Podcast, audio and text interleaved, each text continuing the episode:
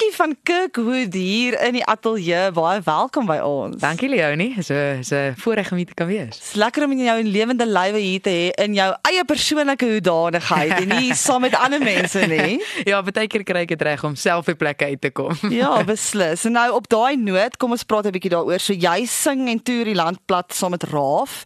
Vir mense wat nou nie weet nie, was Bottomless Coffee Band wat nou Raaf is. Vertel my net so 'n bietjie waarmee is jy alles besig? Ja, ek toer saam met hulle open natuurlik die shows as dit nou nie 'n privaat funksie of 'n troue of 'n ding is nie, jou kaartjie shows. Dan het ek begin betrokke raak met die bemarking.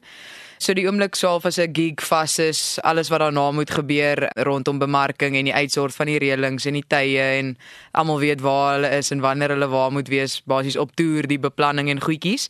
En dan as val die merch ook maar onder my altyd maar nou sorg dat jy genoeg van alles in voorraad het en dit na die tyd verkoop, die online shop wat jy nou daar volgens ook ran en die hemde, ja, daai tipe en die pakkies wat jy moet stuur en so. Dis alles goed wat ek nog nooit in my lewe gedoen het en nooit gedink het mens gaan so iets doen nie. So mens leer baie.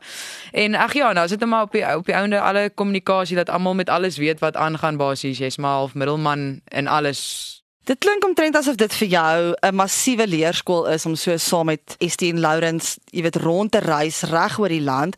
Vertel my 'n bietjie watse waarde voeg dit vir jou toe tot jou loopbaan?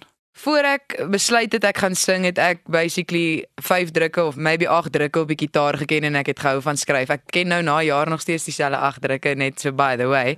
Maar dis wat ek geweet het van musiek af en dan van die musiekbedryf af absoluut niks geweet nie. So ek meen elke liewe ding wat ek aan moet raak of aan moet werk of moes ek eers net bietjie vra hoe werk dit, leer hoe dit gedoen moet word, maar ek meen jy kan jouself nou net indink elke liewe ding vanaf om 'n gig te boek hoe jy met jou kliënt wil ek amper sê wil kommunikeer en met praat, wat se tipe vibe wil jy afgee? Basically alles, besluitneming. Na wat kyk jy alles? Dit is nie net van o, okay, ja, ons doen dit, maar dan dink net gaan dit en dit en dit en dit en dit wat ook nog kan gebeur. So wil jy dit so doen of wil jy dit so hê? So nee, dis massiewe waarde wat toegevoeg word in my musiekloopbaan, maar ook in jou denkwyse en hoe jy goed wil doen vorentoe basies. En jy het dan genoem van voordat jy musiek gemaak het. Wat het jy gedoen voor dit? Vertel 'n bietjie vir ons luisteraars. Jy het 'n baie interessante storie van wat jy gedoen het voordat jy musiek gemaak het. Ja, so reg voor die 4 jaar voor ek musiek gemaak het, het ek geboer. So Kirkwood is 'n uh, sitrusvallei, lemoene, suurlemoene, nartjies en um, ons boer daar. En ek het gaan swat basies eintlik maar net om 'n graad te kry en ek het dit klaar gemaak, onderwys gaan swat en uh toe was die gesprek met my pa dat ek wil nie eintlik skool gee nie, maar ek het nou die papiere wat ons voorgesoek het. Ek sê toe maar ek gaan werk self kry want ek het ook nie noodwendig gevoel ek wil dadelik by my pa begin nie want dis half as jy op daar gaan begin is dit die werk vir die res van jou lewe en jy daar's amper half nie 'n omdraai kans nie. En ek het toe vir 'n werk gekry en ek het vir mense in die pad af by ons begin boer wat was verskriklik interessant want hulle het ook 'n sitruskwekery so jy kon leer van waar die boontjie van die begin af van sy saadjie afkom. Mense het al geweet wat daar aangaan die basics maar nie presies hoe dit werk nie. So dit was verskriklik interessant. En ja, so toe het ek vir so basies amper 4 jaar vir ander mense geboer en op die ouende besluit om 'n gap jaar te vat en in die gap jaar in die ding gekom maar waartoe wil ek eintlik gaan met alles? Wat wou ek actually wat gaan ek spyt wees oor ek nie gedoen het eendag nie? En dis toe ek maar ek het baie geskryf in daai gap jaar en toe ek so toe ek ook net soos Jesus maar ek moet hierdie goed gaan opneem. Ek vat nou baie my tyd. Ek het soveel musiek maar dis nog nie opgeneem nie en toe dog ek ek gaan maar voel aan met die musiek ding ingaan.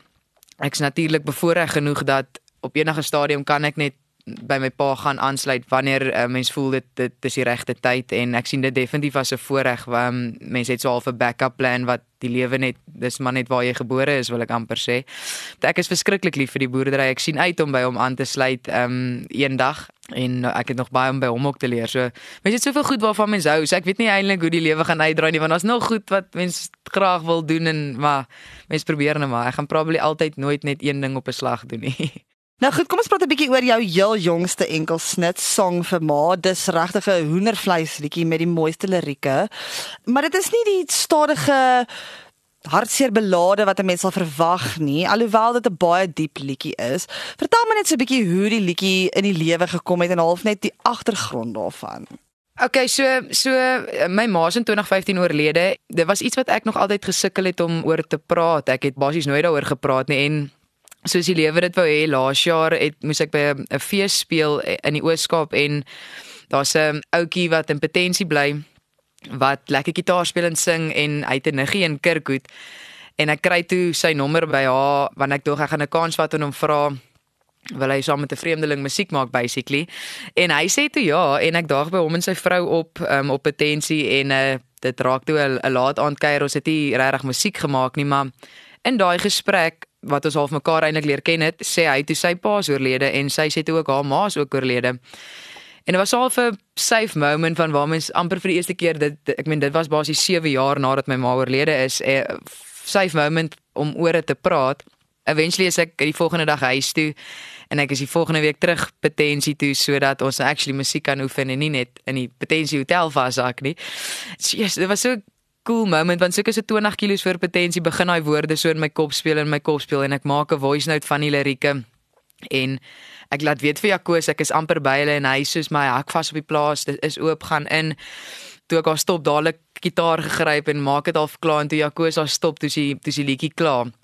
En hy hou toe daarvan en ek wou hy moet daarvan hou omdat ja hy was half deel van dit. Maar maar so ja ek het ek het toe sang vir ma daaroor geskryf is my jou emosies jou gevoelens eh, my gevoelens rondom die verlies van 'n ouer.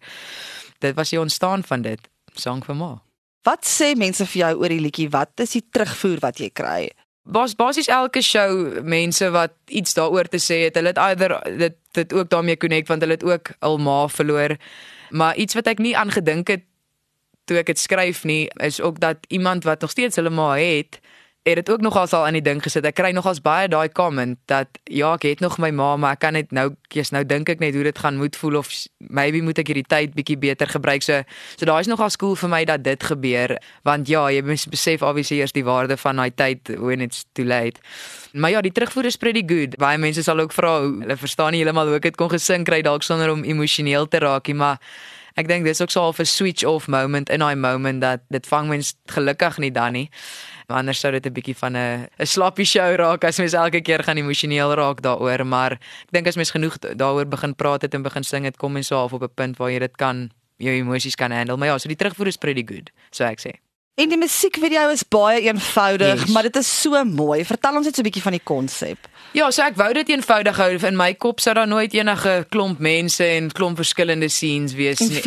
Ja, dit, dit, dit, ja. ek het dit pretty uh, eenvoudig gesien en en Estie van Raaf het gehelp met dit om net so 'n bietjie af te direct en dan het uh, ons vir Ruben gebruik om dit te shoot en die idee was basies wat ons wou vasvang is dat ek my oë half aan die begin toemaak en alles amper half denkbeeldig deur jou kop speel en in die einde dit oopmaak weer. O, sorry. So ek hoop dit het so oorgekom. Ons het op die ouende toe ons was Julie maand het ons twee aande gelei oor tussen twee half kort toertjies in New Bethesda. En ek was nog nooit daar nie en dit is dit so mooi toe ons maar ons dink ons moet nou begin shoot hier so is dis mooi dit was verskriklik koud vir die kaal voete maar lekker. En ja en toe ons terugkom in die Parel het ons toevallige show by Diamanti State gespeel en ek sien toe hulle chapel en toe sê ek sê yes dis waar die ander scene gaan moet wees. En hulle was baie keen en hulle sê ja gebruik dit which is baie nice vir my van hulle gewees. Ja en toe shoot ons dit daar en Ons het die editor al self gaan doen. So dit is al 'n homemade video. Maar ek ek happy met hoe dit uitgekom het. Waar kan mense die liedjie kry?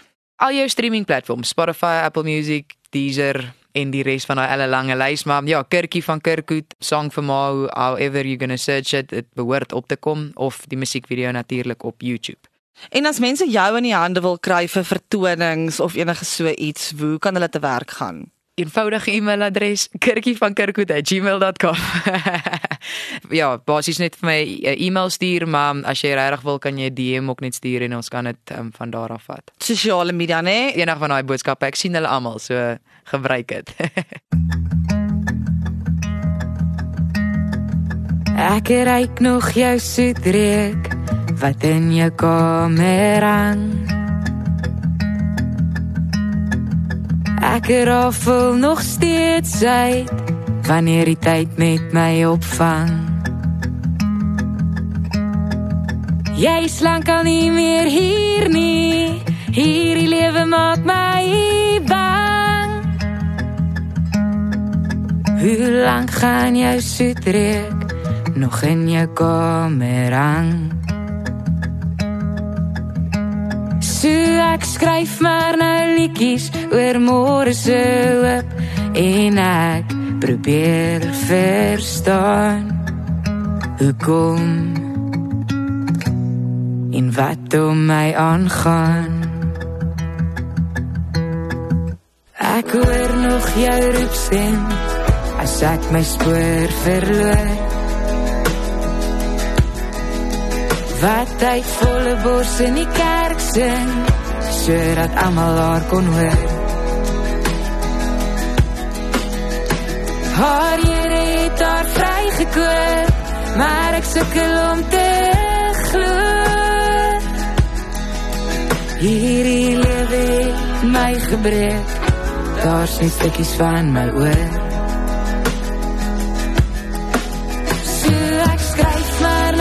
Kies oor môre se hoop en ek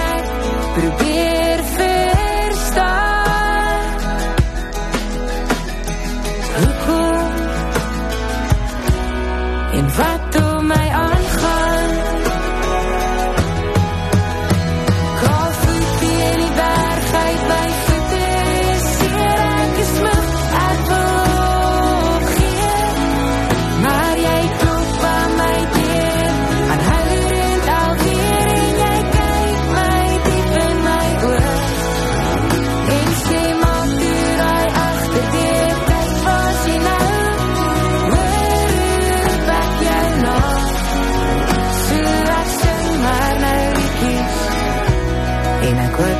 saam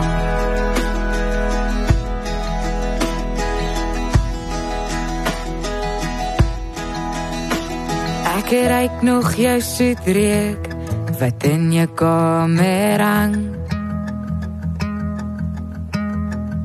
Ek raffel nog steeds uit wanneer die tyd met my opvang. Jy's lankal nie meer hier nie. So ek kry jou daar. Intussen tyd skryf ek 'n sang vir ma. Intussen tyd skryf ek 'n sang vir ma.